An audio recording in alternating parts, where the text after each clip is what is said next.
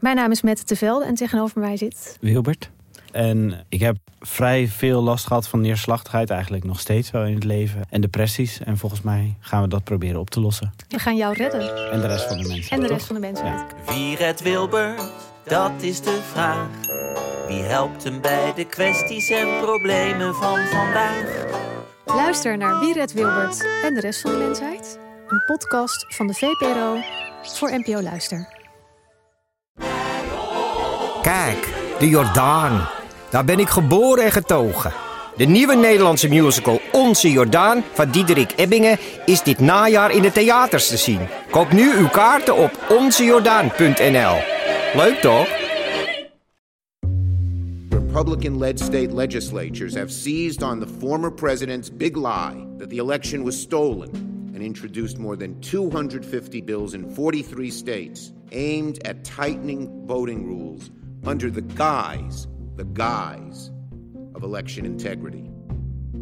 Instead of doing what you should be doing when you lose an election in a democracy, attempting to win over those voters in the next election, Republicans instead are trying to disenfranchise those voters. Shame on them. States are not engaging in trying to suppress uh, voters whatsoever. It's one of the most despicable things I have seen in all my years. Shame, shame, shame. Welkom bij Radio Amerika, de podcast van de Groene Amsterdammer over de Verenigde Staten in 2021. Elke paar weken voeren we een tweegesprek over de Amerikaanse politiek. Ik ben Rutger van der Hoeven, de buitenlandredacteur van de Groene Amsterdammer. En ik spreek vanaf onze redactie met onze correspondent in Washington, Casper Thomas. Hallo Rutger. We gaan het vandaag hebben over de strijd om kieswetten die de komende maanden in de VS gevoerd gaat worden. In tientallen Amerikaanse staten zijn wetten voorgesteld die het moeilijker maken om te stemmen, terwijl de regering juist een wet aangenomen probeert te krijgen die stemmen makkelijker maakt. Voor we het daarover gaan hebben, eerst corona. Casper, ben jij ondertussen ingeënt of niet? Nee, nog niet. Eh, deze week gaat wel eh, mijn categorie, dus eh, personeel in de media, is officieel beschikbaar voor, eh, voor inentingen. Dus eh, ik verwacht ergens eh, binnenkort een, een uitnodiging, maar het is nog niet gebeurd. Zoals we al hoorden in het introductie liggen er 250 wetten in 43 staten voor en daarvan zijn er eh, 165 ingediend in 33 staten sinds half november. Dat zijn allemaal staten waar de Republikeinen de meerderheid hebben en dat is ook een reactie op die verkiezingsuitslag over op het nieuws dat Joe Biden de verkiezingen had gewonnen. Daar is toen natuurlijk twee maanden lang strijd over gevoerd. Maar republikeinse meerderheden in die staten hebben dus daarop al gereageerd door allerlei wetten in te dienen die specifiek gericht zijn op stemmers. Ik zal er een paar voorbeelden van geven. In Arizona zijn stemmen aangenomen of zijn wetten voorgesteld die stemmen per volmacht ehm, eerst langs een notaris moeten laten gaan. Dus je moet een notaris eh, daar de stempel op laten geven. In Pennsylvania, Georgia en Virginia mogen er geen ehm, postbussen meer staan waar je je stem eh, in kunt gooien. Dus dat wordt verboden in Missouri. Missouri heeft, ehm, daar ligt een wet voor die maakt dat COVID-19 geen geldige reden meer is om niet in persoon te willen stemmen. Dat zijn toch best wel curieuze wetten. Casper, kun jij uitleggen wat er aan de hand is? Nou, wat hier eigenlijk aan de hand is, Rutger, is een soort, soort grote strijd tussen de, de federale overheid in Washington en inderdaad, zoals je al noemde, een aantal statenbesturen en waarvan inderdaad de meeste gevallen de Republikeinen aan de macht zijn. En wat Washington graag wil, is meer grip op het stemproces.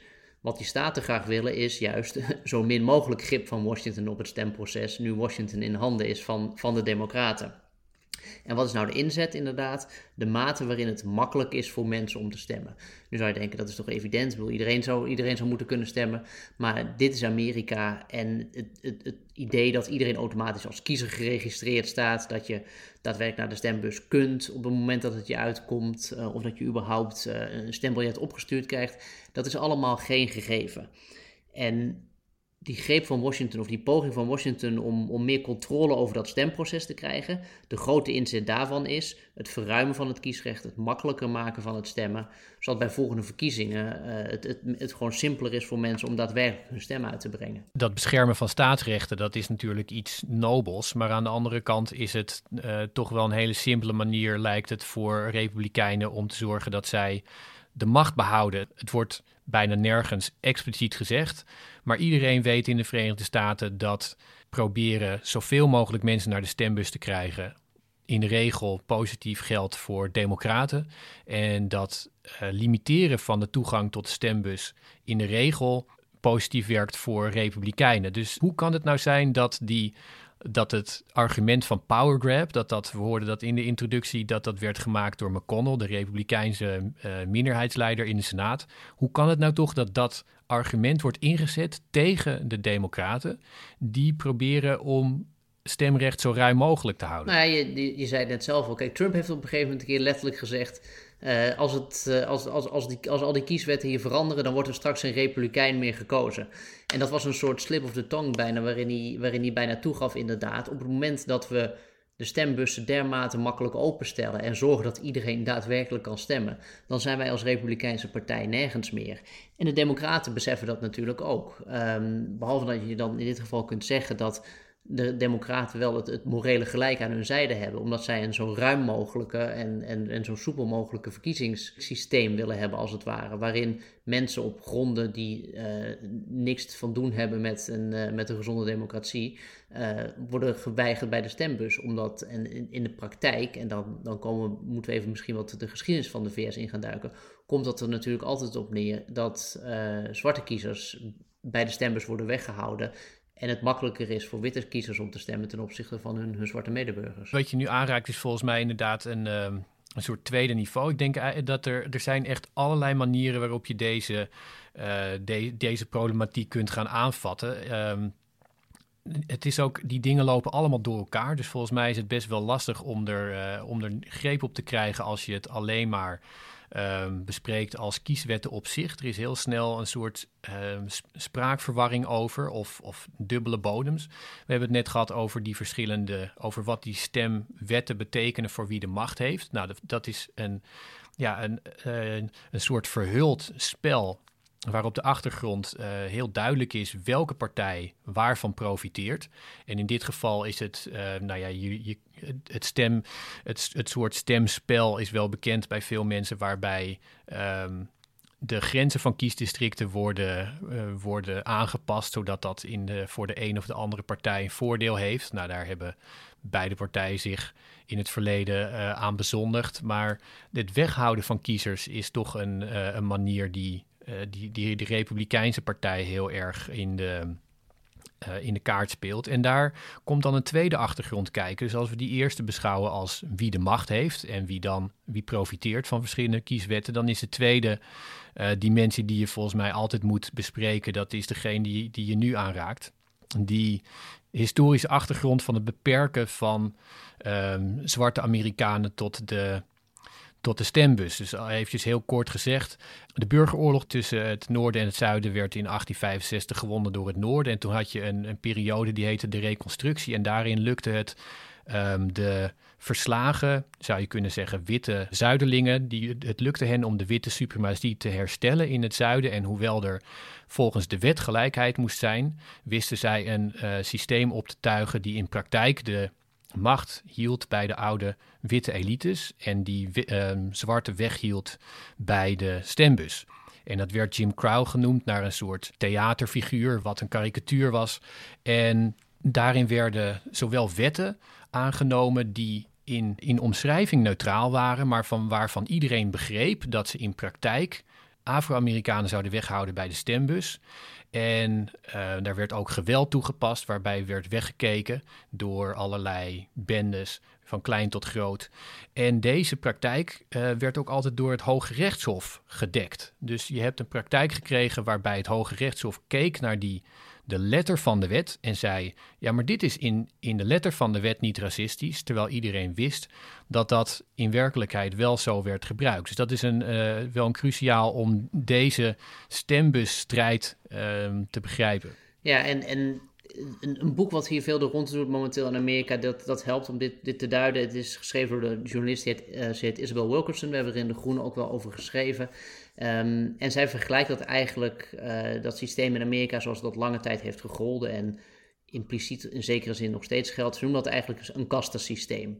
Een, een, een impliciet en, en soms zelfs wettelijk verankerde, geïnstitutionaliseerde hiërarchie, waarin in dit geval wit boven zwart staat. En dat stemmen is natuurlijk een beetje de, de, de, de crux daarin, want naarmate je een, een, een groep die onderaan dat kastenstelsel staat, uh, het, het recht op stemmen onthoudt of weghoudt van de stembus, dat is natuurlijk de beste manier om die raciale hiërarchie, dat kastensysteem, uh, in, stand, in stand te houden. En eigenlijk zou ik dan even willen, moet je eigenlijk een beetje vooruitspoelen als het ware naar een moment waarop er toch werd gedacht dat Amerika daar afstand van neem, zou nemen. Uh, 1965, de Civil Rights Act, getekend door Johnson. het idee van zeg maar, volledig stemrecht inderdaad voor de, uh, de zwarte bevolking van Amerika.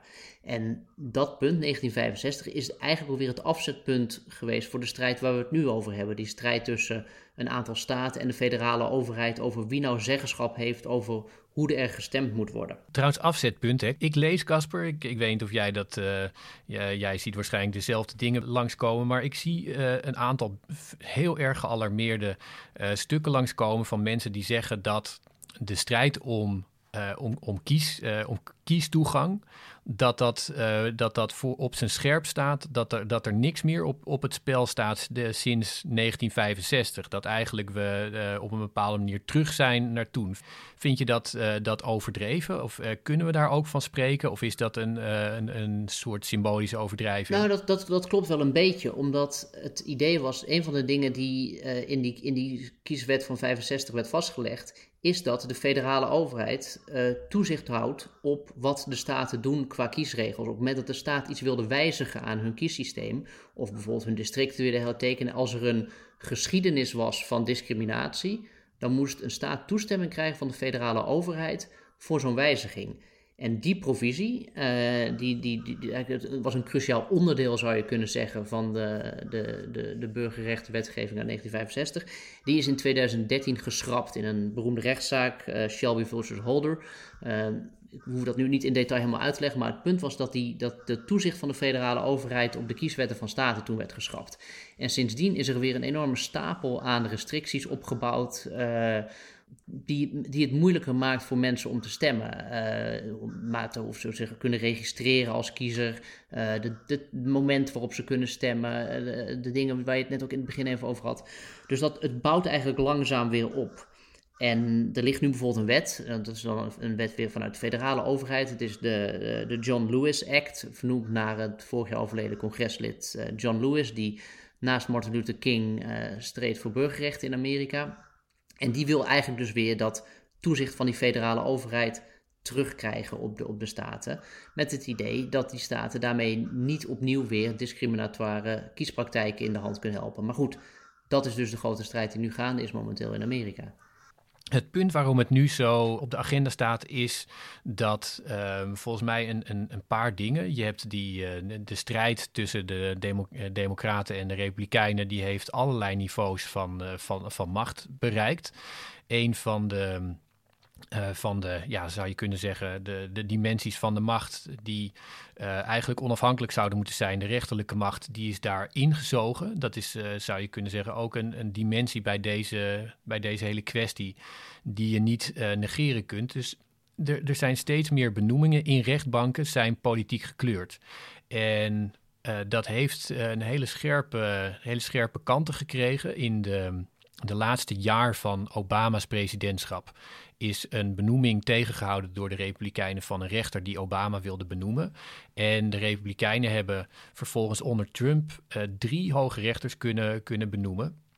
En dat, uh, maar dat benoemen dat is niet alleen in het Hoge Rechtshof geweest, maar is op allerlei, um, allerlei niveaus in de rechterlijke macht gebeurd. Dus er zijn nu, um, er zijn nu allemaal lagere rechtbanken ook, waarin de machtsverhouding, zou je kunnen zijn, verschoven is. Nou, dat wordt dan gecombineerd met een hele intense strijd op nationaal niveau, uh, met uh, demografische trends die de Republikeinen in hun nadeel achten. Dus ook er werden in de verkiezingen van 2016, Trump tegen Hillary Clinton, werd ook heel erg het, het beeld opgeroepen dat dit een verkiezing was die eigenlijk ging om de hele toekomst, omdat de Democraten dan allerlei Ehm, dingen zouden gaan veranderen die het onmogelijk zouden maken voor de Republikeinen om ook ooit nog te winnen. En dat veranderen van, deze, van, uh, van de samenstelling van rechtbanken is ook een manier om te kunnen blijven strijden, zoals veel Republikeinen het volgens mij zien, om um, een, een eerlijke toegang tot de macht. Ja, dat, dat haakt weer een beetje aan dat punt waar we het eerder over hadden. Kijk, er wordt altijd gezegd dat dingen een soort neutraal voorkomen hebben, maar in de praktijk een, uh, een, een, een onderscheidende werking hebben. En dat is volgens mij wat, wat, wat hier ook een beetje speelt. En uiteindelijk is het, het, het makkelijkste natuurlijk, uh, of, het, of, het, het, eerlijk zou je kunnen zeggen, is zorgen dat niemand enige strobreedte in de weg wordt gelegd uh, om te kiezen. Uh, en dus het is een beetje een, een, een woordenspel tussen wat geldt als neutraal uh, en, en, en wat het in de praktijk dat dus niet is. En juist het feit, even, dat, dat, dat het punt dat die, die rechtbanken uh, zeg maar ook weer meer grip krijgen als het ware, of weer meer worden ingezet als instrument om dat kiessysteem te veranderen, dat versterkt alleen maar de push van de Democraten om vanuit Washington dus toch proberen weer de controle over die, uh, dat kiessysteem terug te krijgen. Die, de grote wet die nu voor ligt, had behalve die John Lewis Act die ik net noemde, heb je dus de For the People's Act. Dat is eigenlijk de, de omnibus wetgeving waar de democraten mee deze strijd voor eens en altijd willen slechten.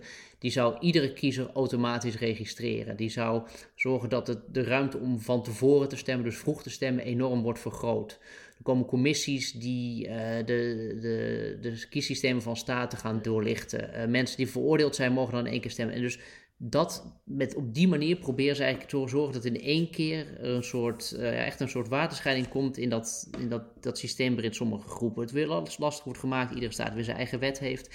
En je dan een soort idee hebt van iedereen gelijke toegang tot de stembus. Ook de afgelopen verkiezing was een hele, een hele interessante en mooie verkiezing, omdat je kon zien dat, deze, dat die toegang tot, tot de stembus heel erg bepalend uh, was voor de, voor de uiteindelijke uitslag. En um, de, de verkiezing, uh, als, je, als je terugdenkt aan november, die spitste zich heel erg toe. Het verhaal uh, dat concentreerde zich erg op Georgia. En dat is een interessante staat, omdat die, die staat die, die werd op het nippertje gewonnen door democraten, maar het tellen duurde heel erg lang. En daar wilden dan Trump en verschillende mensen in de, van de verschillende republikeinen in de staatshierarchie probeerden dat tegen te houden.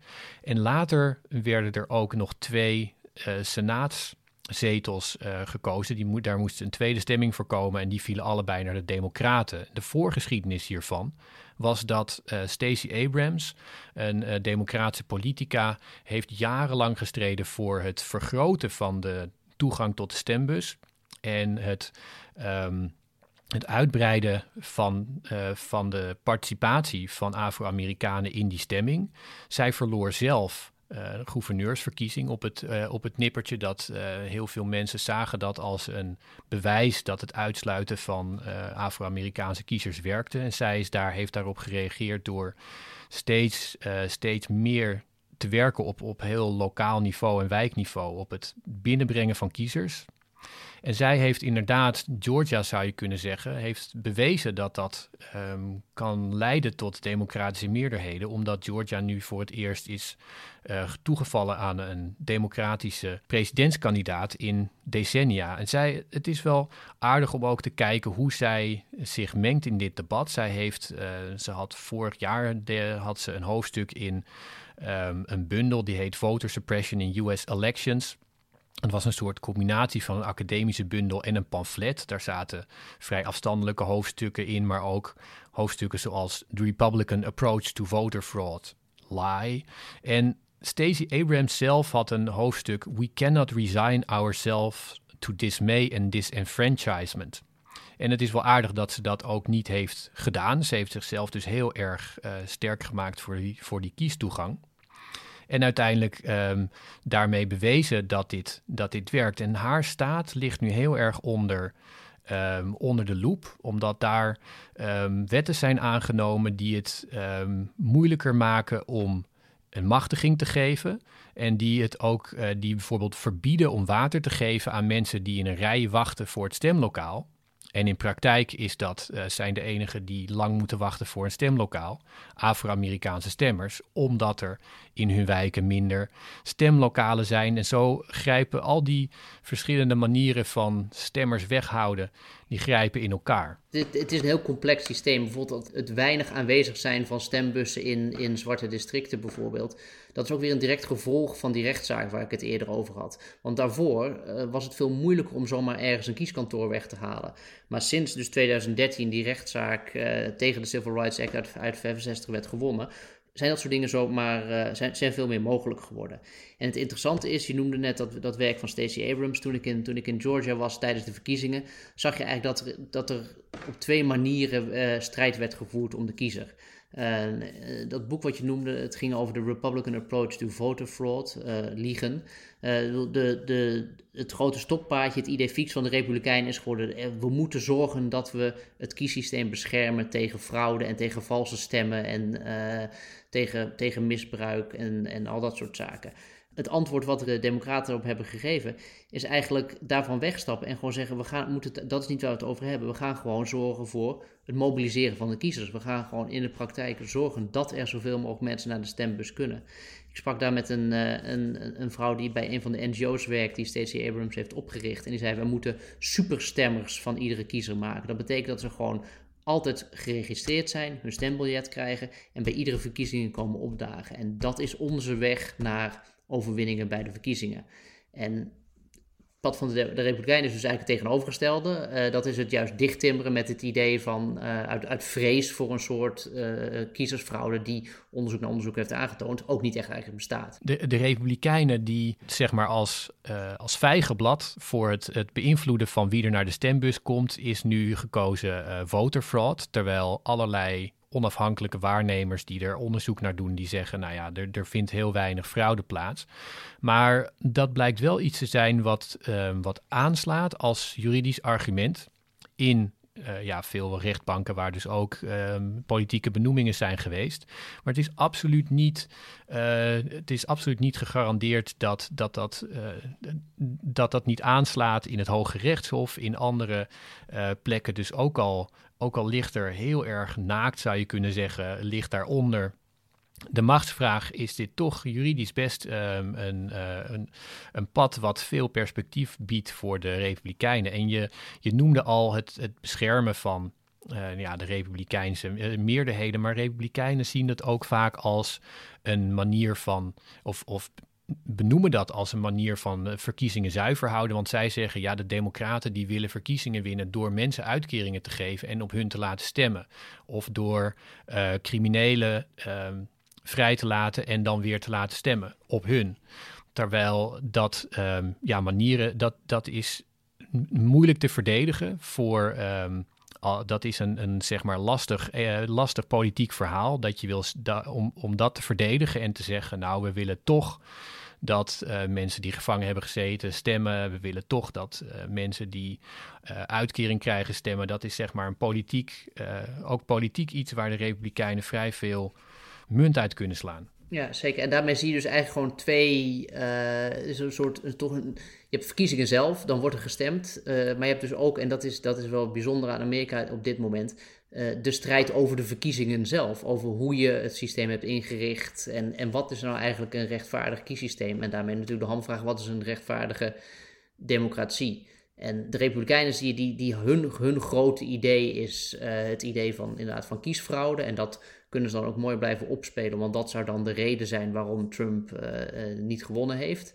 En aan de andere kant van het spectrum zie je toch een soort idee van Biden als de grote rechtvaardige redder van het Amerikaanse kiessysteem. Die vanuit Washington de staten die een, een kiessysteem hebben dat racistisch is of discriminatoire is, de les gaat proberen te lezen. En dat, gaat zich, dat is een strijd die zich de komende tijd gaat afspelen. Wat je nu aanraakt is zeg maar een soort laatste dimensie waar je nog naar kan gaan kijken.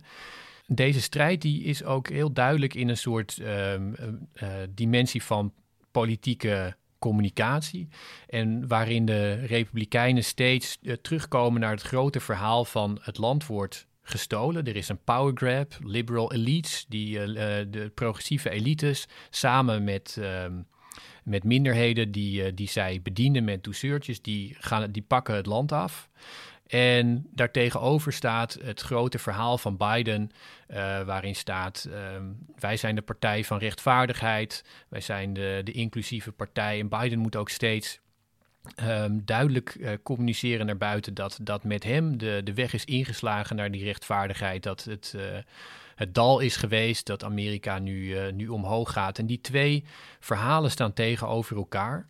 En daar is ook niet uh, een compromis in, in te sluiten. Dat, is, uh, dat zijn twee grote verhalen waarin het uh, kant kiezen is, maar waarin je niet eigenlijk kunt zeggen, nou, ik, ik werk wel een beetje samen met die mensen die het land proberen te stelen. En dat is eigenlijk het grote thema bijna van, van de politiek in Amerika geworden. Het idee dat er een aantal onderwerpen zijn waar er gewoon geen vergelijk meer mogelijk is tussen wat de ene kant wil en wat de andere kant wil. Je kunt niet zeggen, ja, we staan een beetje kiezersonderdrukking toe. Of we zorgen dat uh, bijna iedereen mag stemmen, maar voor sommige groepen maken we het nog steeds wel lastig.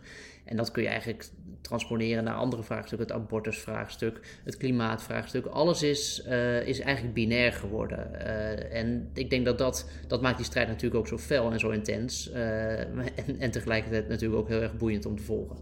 Ja, dat maakt de hele Verenigde Amerikaanse politiek gekmakend en, en zo fascinerend mij betreft. Ja, het is existentieel wat, hier, wat, wat dat betreft op het spel staat. En die, die kieswetten zijn dat echt, hè, want die gaan uiteindelijk natuurlijk, het is de, de, het, het pad naar de toekomst, uh, wie er wel en niet gaat stemmen. En, um, dus de, de, de, eigenlijk is de strijd in die zin om de volgende presidentsverkiezing is nu wat dat betreft ook al begonnen.